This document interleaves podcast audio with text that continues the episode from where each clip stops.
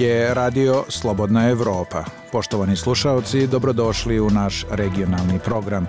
U narednih pola sata sa vama će biti Svjetlana Petrović i Dragan Štavljanin. Slede najvažnije vesti.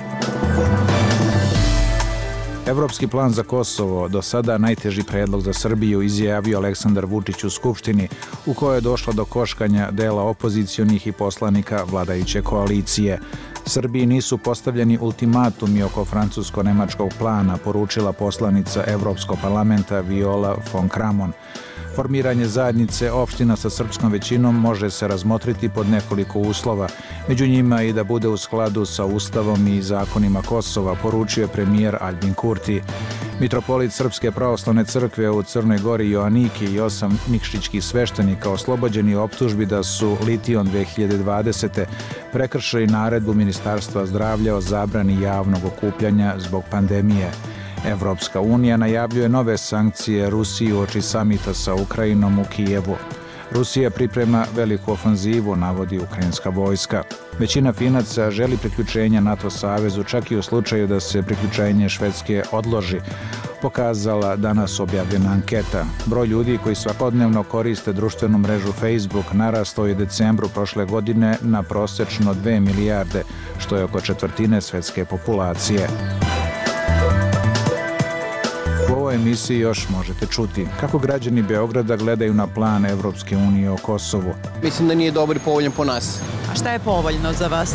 Pa povoljno da zadržimo Kosovo i Metohiju u granicama Srbije kao što i treba da pripadne. Mislim da to više uopšte i nije do nas prosto će to neko drugi da reši. Problem je između Beograda i Prištine i da mislim da te dve strane treba da nađu zajedničko rešenje, a ne da se neko meša sa strane. Grupa proevropskih intelektualaca u Srbiji predstavila javnosti apel za prihvatanje plana Evropske unije za dogovor Srbije i Kosova, među njima i analitičar Boško Jakšić. Prihvatanje plana Srbija prestaje pre svega da bude talac ili Kosovo diktiralo njenu unutrašnju i spojnu politiku dobija dugoročni mir i šansu da postane uvaženi član zajednice demokratskih država.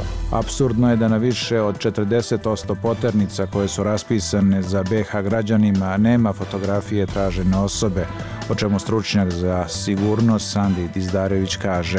I one bi se trebale ažurirati upravo iz tih razloga da bi policajci na terenu dakle, imali, imali mogućnost lakšeg prepoznavanja. Priča o osmočlanoj porodici Luke Nilevića iz Bezijova nedaleko od Podgorice, koji je kao i njegova supruga nezaposlen. Za šestoro djece iznosi 300 eura, 300 i nešto. To je nedelju dana, budžet za nedelju dana. Eto, kupi se hrana, u hranu pođe nekih 200 eura, spasno sve u bil, bila banka hrane i oni su nam uvijek izašli su sveti i dan danas. Slušate radio Slobodna Evropa. U nastavku najpre o raspravi u Skupštini Srbije o evropskom planu za Kosovo. Deo tog plana je da se Srbija ne protivi njegovom članstvu u međunarodnim organizacijama, izjavio je predsjednik Srbije Aleksandar Vučić. On je dodao da je to najteži predlog koji su zemlje Evropske unije iznele Beogradu u razgovorima o normalizaciji odnosa sa Prištinom. Tokom njegovog odgovaranja na pitanja u parlamentu dogodio se incident u kom su poslanici dela opozicije ustali i krenuli ka mestu za ko govori predsjednik Srbije uz povike izdaja, izdaja i ne damo Kosovo. Poslanici vlasti odgovorili su skandiranjem Aco Srbine. Više pojedinosti Zoran Glavonjić. Predsednik Srbije Aleksandar Vučić naveo je da je verzija Evropskog plana za Kosovo koja je izašla u javnost 90% tačna, ali da taj dokument ne sme da pokaže. O tački 4, neprotivljenju Beograda kosovskom konkurisanju za članstva u svetskim organizacijama, Vučić je rekao. Protivili se, ne protivili u Savetu Evrope u trenutku kada oni odluči imaće većinu.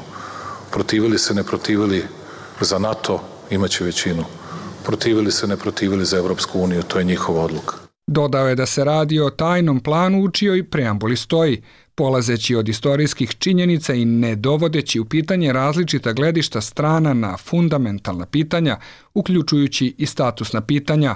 To je ocenio kao mogućnost Srbije na drugačije gledanje na statusno pitanje Kosova od dela Evropske unije i dela međunarodne zajednice. Ima još dobrih stvari gde se govori direktno o dozvoljenoj finansijskoj podršci od strane Srbije, direktnom kanalu komunikacije srpske zajednice, adekvatan nivo samoupravljanja za srpsku zajednicu i tako dalje i tako dalje. Ali čim sam vam ovo pročitao, jasno o čemu se radi. Postavljeni ste pred izbor. Na sednici parlamenta izneo je plan u 10 tačaka o politici Srbije o Kosovu, među kojima su rešenost Beograda da sačuva mir i stabilnost i bezbednost kosovskih Srba. Dodao je da je vitalni interes Srbije da ostane na evropskom putu i da je deo plana da se razgovara i o najlošijim papirima o pitanju Kosova. Poslanici opozicione narodne stranke na početku sednice držali su transparente Izdajnik i Vučiću izdao si Srbiju. Boško Obradović, lider desničarskog opozicionog pokreta Dveri, rekao je da je pred Srbijom zahtev da prizna Kosovo. Ne vidimo niti jedan razlog zašto bismo mi prihvatili ovaj novi zapadni ultimatum dok se neko iz Srbije ne saglasi sa tim i dok Kosovo ne uđe u Ujedinjene nacije, ne postoji nezavisnost Kosova. Radomir Lazović iz proevropske opozicione koalicije Moramo u Skupštini se obratio međunarodnoj zajednici. Jasno kažemo da je greška voditi tajne pregovore sa čovekom koji je uzurpirao sve institucije našeg društva. Mi želimo da se karte otvore, da li je u ovom francusko-nemačkom predlogu zaista nešto dobro za Srbiju. Hvala vam što ste me saslušali, ne damo Srbiju. Tokom Vučićevog odgovaranja na pitanja u parlamentu dogodio se incident u kom su poslanici dela opozicije ustali i krenuli ka mestu sa kog govori predsednik, uz transparent kapitulacija i povike izdaja izdaja i ne damo Kosovo. Poslanici vlasti odgovorili su skandiranjem Aco Srbine.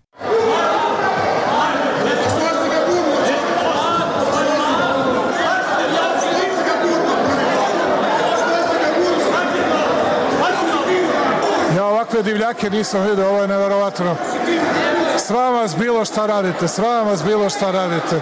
Nakon reakcije skupštinskog obezbeđenja i kraćeg prekida, sednica parlamenta je nastavljena. Za Radio Slobodna Evropa iz Beograda, Zoran Glavonjić. A dok u Skupštini Srbije traje rasprava, novinarka Radija Slobodna Evropa Iva Martinović pitala je Beograđane da li bi Srbija trebalo da prihvati plan Evropske unije i da li im je u suprotnom prihvatljivo eventualno zaustavljanje evropskih integracija. Iako plan koji je predstavljen Beogradu i Prištini još nije javan, Vladimir i Ljubica imaju mišljenje. Mislim da nije dobar i povoljan po nas.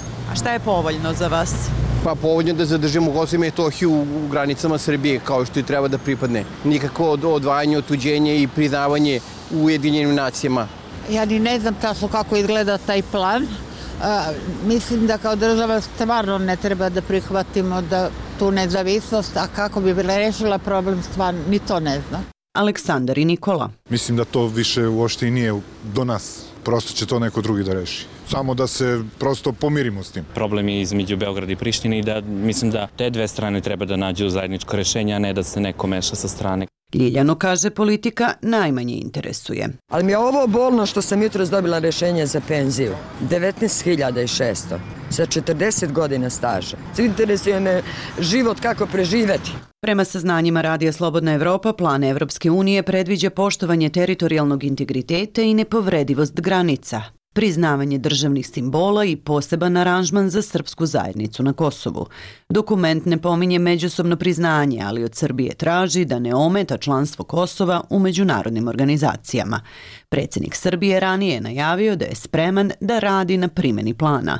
Posle sastanka sa zapadnim diplomatama 20. januara poručio je da je u suprotnom moguće zaustavljanje evropskih integracija i investicija i ukidanje bezviznog režima za građane Srbije. Šta o tome kažu Aleksandar, Lazar, Vladimir i Ljubica? Verujem da je tako ne zato što sad nešto specijalno verujem e, predsjedniku ili nekom drugom, nego prosto što je to taj štap na šarga, šargarepi već dugo, dugo. S druge strane, mi smo deo Evrope, prosto moramo da se integrišemo s njima, hteli ili ne.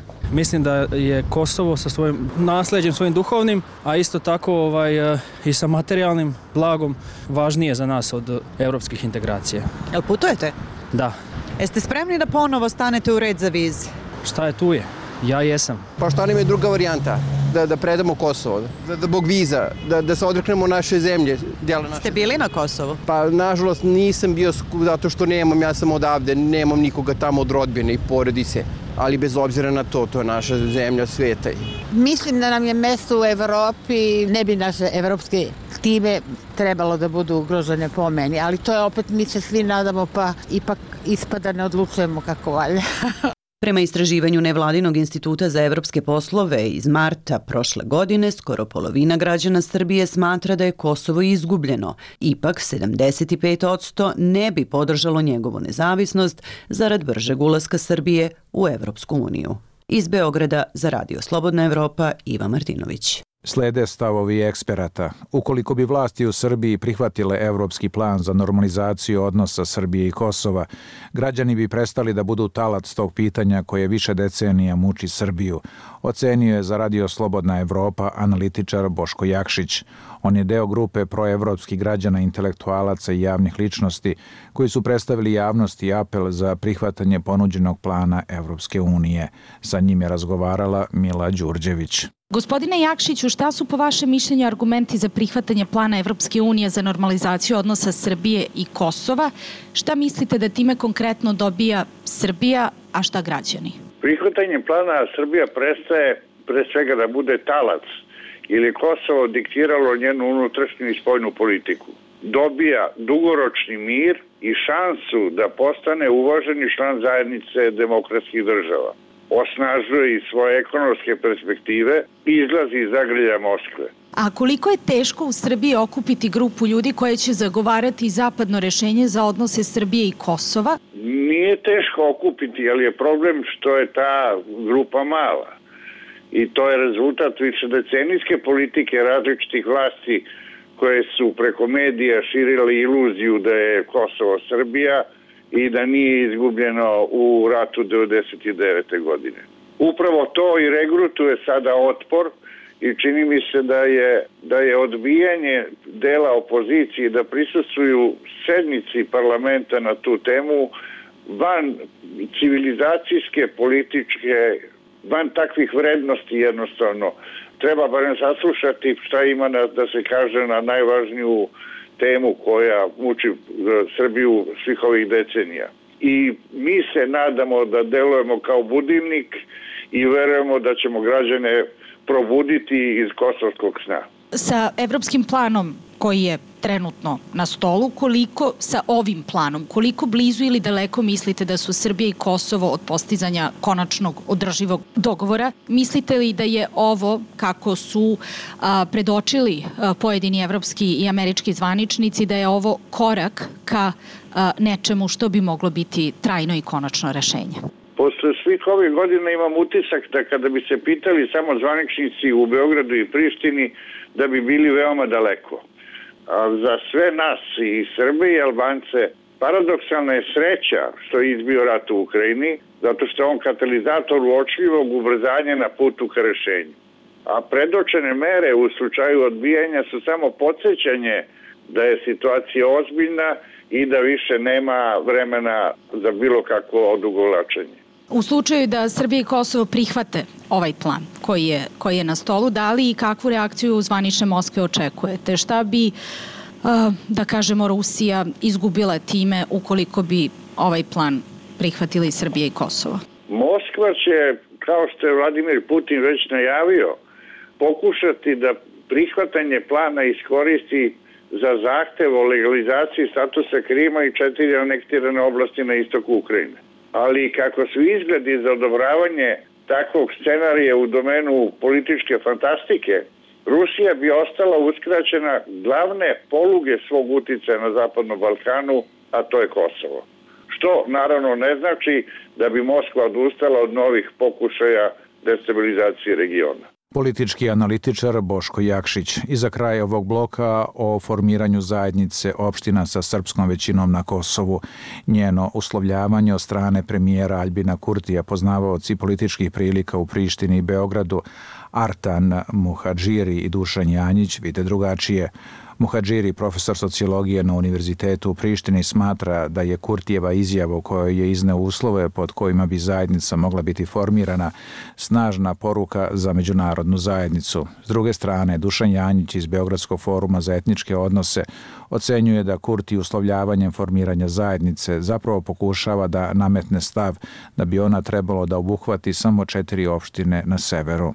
Pripremila Sandra Cvetković. Premijer Kosova Albin Kurti je 2. februara na sednici Skupštine predstavio uslove pod kojima bi zajednica opština sa srpskom većinom mogla da bude formirana. Mora da bude u skladu sa Ustavom i zakonima Kosova, da se promeni ime jer ne može da bude monoetnička, da nema nikakva izvršna ovlašćenja, već da služi isključivo saradnji među opštinama. Traži i da se pre njenog osnivanja ugase paralelne strukture Srbije na severu Kosova, da se preda svo nelegalno oružje, da bude deo konačnog sporazuma i da se formira nakon međusobnog priznanja.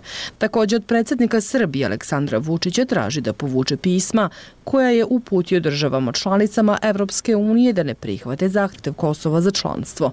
Inače, nezavisnost Kosova ne priznaje pet država članica Evropske unije, Grčka, Rumunija, Slovačka, Kipar i Španija. Politički analitičar Artan Muhadžiri smatra da je kosovski premijer postavljanjem uslova izrazio spremnost da se odmakne od svojih ranijih stavova i potraži kreativna rešenje kako bi se postiglo nešto oko čega se sve strane slažu. Është një ndryshim shumë i rëndësishëm. To je veoma važna promena jer pokazuje drugačiji nivo komunikacije na temu zajednice, jer to više nije automatsko odbijanje kao što je bilo do sada, navodi Muhadžiri, se radio Slobodna Evropa i dodaje da je Kurti dao prostor razgovoru. Prema njegovoj oceni zahtevi kosovskog premijera za zajednicu opština sa srpskom većinom su prihvatljivi, osim onoga koji se odnosi na njeno formiranje nakon postizanja konačnog sporazuma i međusobnog priznanja. Dušan Janjić iz Beogradskog foruma za etničke odnose za Radio Slobodna Evropa kaže da Kurti pokušava da iz zajednice izuzme šest opština sa srpskom većinom na jugu, jer je, kako kaže, lakša transformacija zajednice ako ona preraste u regionalnu autonomiju severa. To bi onda dozvolilo jedan period od 5 do 10 godina da se da prilika kosovskoj vladi da konačno izađe s nekim predlogom integracije.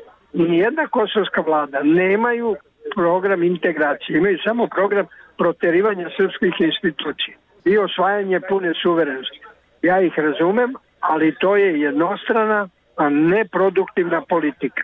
Na Kosovu ima ukupno 10 opština sa srpskom većinom, šest južno od Ibra i to Gračanica Štrpce, Novo Brdo, Klokot, Ranilog i Parteš. I na severu su četiri teritorijalno povezane Severna Mitrovica, Leposavić, Zvečan i Zubin Potok. Janjić podlači da kosovske vlasti moraju da shvate da je rešenje statusa Kosova zapravo rešenje statusa srpske zajednice.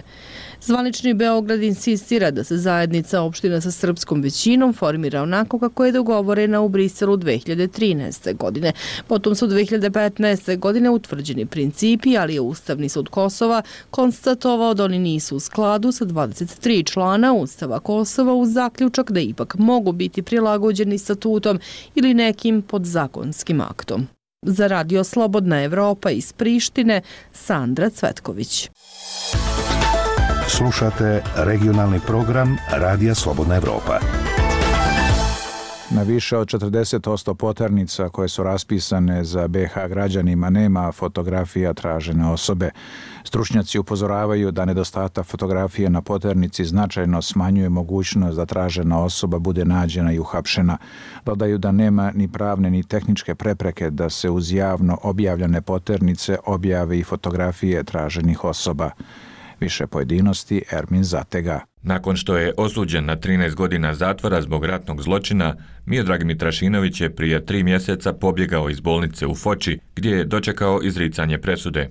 Sud Bosne i Hercegovine je naredio raspisivanje potjernice. Novinarima Radija Slobodna Evropa su rekli da nemaju Mitrašinovićevu fotografiju, iako sudske kamere snimaju svako suđenje. Mitrašinović je jedan od 247 osoba sa potjernica koje bosansko-hercegovačko pravosuđe tereti za teška krivična dijela poput ratnog zločina, ubistva ili otmice. Čak 102 potjernice su objavljene bez fotografije, ili sa fotografijom neiskoristivom za identifikaciju tražene osobe. Odsustvo fotografija sa potjernica se ne može opravdati, kaže Neđat Korajlić, bivši dekan Fakulteta za kriminalistiku, kriminologiju i sigurnosne studije Univerziteta u Sarajevu. Ako imaju potjernicu, moraju biti fotografije. To je evropski standard i svjetski standard. Imate izvršioca teškog krivičnog dijela, potražuje ga međunarodna Interpol i ostala da ne objavi sliku. Nema zakonskog razloga, tako da bi to trebalo da bude pravilo ja smatram lično da bi to trebalo. Nadležne pravosudne institucije nisu objasnile zašto veliki procenat potjernica nema fotografiju. Sud Bosne i Hercegovine poručuje da je nadležan samo za donošenje naredbe o raspisivanju potjernice, a da su za fotografiju nadležna tužilaštva i policijske agencije. Oni s druge strane kažu da rade samo po naredbama sudova i dokumentaciji koju dobiju. Fotografije svih građana koji su u posljednje dvije decenije zatražili bilo koji lični dokument nalaze se u državnoj bazi podataka agencije IDEA. Njoj pristup imaju sve pravosudne institucije, kaže stručnjak za sigurnost Sandi Dizdarević. Nema tu ni zakonski, ni neki drugi poteškoća zbog koje ne bi trebala biti fotografija. Pogotovo u odnosu na ljude koje je policija već obrađivala kriminalistički, dakle, tehnički i tad se radi, dakle, takozvana tropoza, odnosno sinjelerička obrada lica, uzmeju se otisti prsti i radi se, dakle, e, fotografisanje. Drugi način je, dakle, da lico za kojim se raspisuje potjernica, postoji, dakle, mogućnost po naredbama tužilaštva, odnosno sudova koji raspisuju potjernicu, izdaju naloge, dakle, uzimati fotografije iz ideja baze i one bi se trebale ažurirati upravo iz tih razloga da bi policajci na terenu dakle, imali, imali mogućnost lakšeg prepoznavanja. Zakoni u Bosni i Hercegovini ne preciziraju sadržaj potjernice, niti ko je nadležan da uz nju objavi i fotografiju tražene osobe, i dok pravosudne institucije prebacuju lopticu odgovornosti sa jednih na druge, više od 100 potjernica je bez fotografije. Prema podacima misije OSCE u Bosni i Hercegovini, nedostupnost optuženika pravosuđu otežava skoro 40% suđenja za ratne zločine u Bosni i Hercegovini. Za Radio Slobodna Evropa, Ermin Zatega. Zanima vas što se dešava u regiji? Sve možete naći na slobodnaevropa.org. U narednim minutima priča o smočlanoj porodici u Crnoj Gori. Anđela i Luka su roditelji šestoro dece, nezaposleni su i žive na selu u teškim uslovima i nemaštini, ali njihovo dvorište je puno smeha i igre. Naša ekipa je Nileviće posetila u selu Bezijevo, 25 km uzbrdo od Podgorice. Pripremila Dubravka Rajičević. Snimali se? Hajde. Što snimate? E, snimamo roditelja. Osmošlana porodica Nilević živi u selu Bezjovo, 25 km sjeveroistočno od Podgorice. Nezaposleni Luka i Anđela, koji sa svojih šestoro djeca žive u dvije prostorije, u stalnoj su borbi sa nemaštinom. Treba zaraditi i stvoriti, a nekad, nekad i ne možeš. E, to su teške neke stvari. Treba ih obući, presvući, dati doručak i ručak i večeru. Nilevići su se na selo vratili prije deset godina, kada su ostali bez posla. U gradu nijesu mogli da plaćaju stan i došli su na imanje Lukinih roditelja. Nešto uz ocu majku što imamo neku kravu, eto toliko da nam se pomogne. Kad ima posla privatno da nešto radi, onda je sve dobro. Kad nema, Bogom i teško. Ne bira se posla na rano. Samo da ga ima. Ima i domaće mlijeko, jaja, drva za ogrjev, ali to je daleko u odnosu na procijenjenu minimalnu potrošačku korpu za četvoročlano domaćinstvo u Crnoj Gori koja iznosi 800 eura. Ova dvostruko veća porodica ima upola manja primanja od te svote. Živi od socijalne pomoći i dječjih dodataka. Za šestoro djece iznosi 300 eura, 300 i nešto. To je nedelju dana, budžet za nedelju dana. Eto, kupi se hrana, u hranu pođe nekih 200 eura, spasno sve u bil, bila banka hrane i oni su nam uvijek izašli u susreti i dan danas. Tri brate i tri sestre nemaju video igre, ali imaju uvijek društvo raspoloženo za zabavu. Do škole u susjednom selu imaju organizovani prevoz. Najstariji Marko iduće godine trebalo bi da upiše srednju školu. Školovanje u gradu bit će im novi izazov. Teodora, šta ćeš da budeš kad porasteš? Ja bi frizarska. Doktor. Ja ću da radim doktor. Doktor. Možete reći da ste srećni? Kako ne? Kako ne? Djeca je puno zadovoljstva. Jeste, kad su oni veseli, mi smo veseli. Crna Gora je 2020. godine prvi put od drugog svjetskog rata imala negativni prirodni priraštaj i taj trend traje. Nilevići su među rijetkima koji prkose toj statistici. Za Radio Slobodna Evropa iz Podgorice, Dubravka Rajičević. U novoj epizodi podcasta Radija Slobodna Evropa glasom mladih gost Adnana Čomora je Jadran Crnogorac, Red Bullov sportski event menadžer koji je iz čiste lične strasti doveo Bosnu i Hercegovinu na veoma vidljivu mapu svijeta i uvrstio je u kalendar nekih od najgledanijih i najposjećenijih događaja na svijetu. Taj clear diving u Mostaru postao ono specifičan jer ljudi iz Mostara, iz cijele BiH su to doživjeli kao ono, Formula 1 dolazi u, u, u BiH. On je to uradio koristeći samo ono čime BiH raspolaže i čega ima u izobilju. Priroda, znamenitosti, kultura, historija i tradicija. Evo, kad, recimo, kad su meni dolazili ti neki prijatelji, kolege iz Red Bulla, iz, koji su obišli cijeli svijet, kad su vidjeli BiH, kad sam ja pokazao studeni potok, vodopad jajce, stari most, oni su rekli, ovo je rudnik zlata a sve to na koncu dođe na svjetsku pozornicu, u čijem je središtu i Bosna i Hercegovina. I napravo smo taj projekat gdje prvi put se desilo da Frer vozi wake skate, uh, da kombinuje snijeg i vodu i da je najduži taj kao line vinč koji je preko 400 metara. To sve desi umoljani studeni potok Ovu epizodu Glasa mladih kao i druge podcaste Radija Slobodna Evropa slušajte na našem sajtu slobodnaevropa.org, ali i na platformama Spotify, iTunes i Google Podcast. O incidentu u Hrvatskoj. Policija u Rijeci podnela je prekršajne prijave protiv pet učesnika tučnjave u nedelju uveče na skijalištu Platak iznad tog grada. Trojica od njih su Ultimate Fight borci koji su tokom noći divljali BMW-om po skijalištu.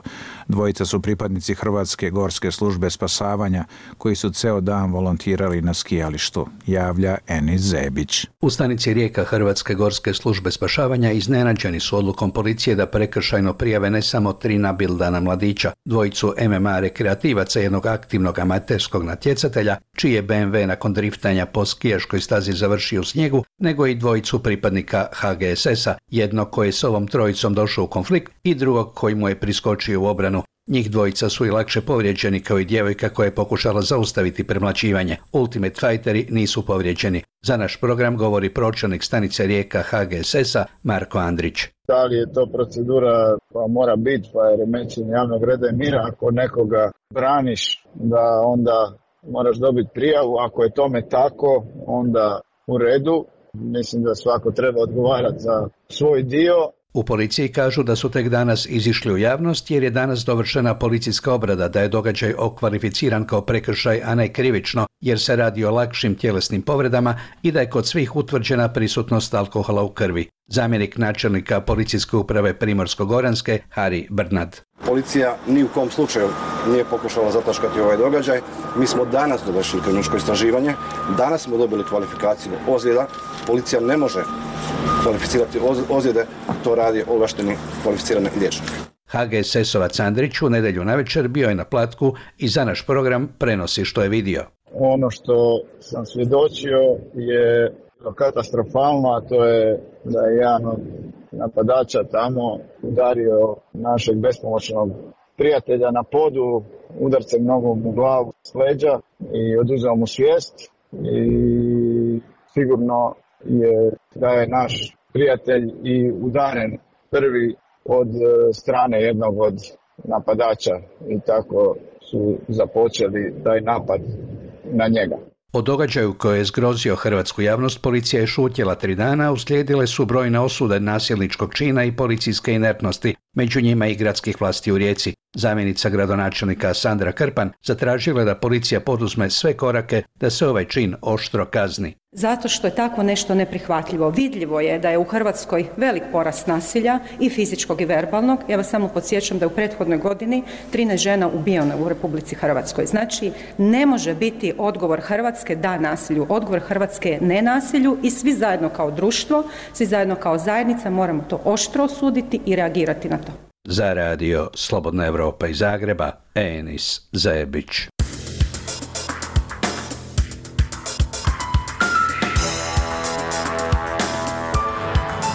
I to je, poštovani slušaoci, bilo sve u ovoj emisiji Radija Slobodna Evropa. Kao i obično možete nas pratiti na web sajtu i društvenim mrežama. Iz studija u Pragu pozdravljaju vas Svjetlana Petrović i Dragan Štavljanin. Ostanite zdravo.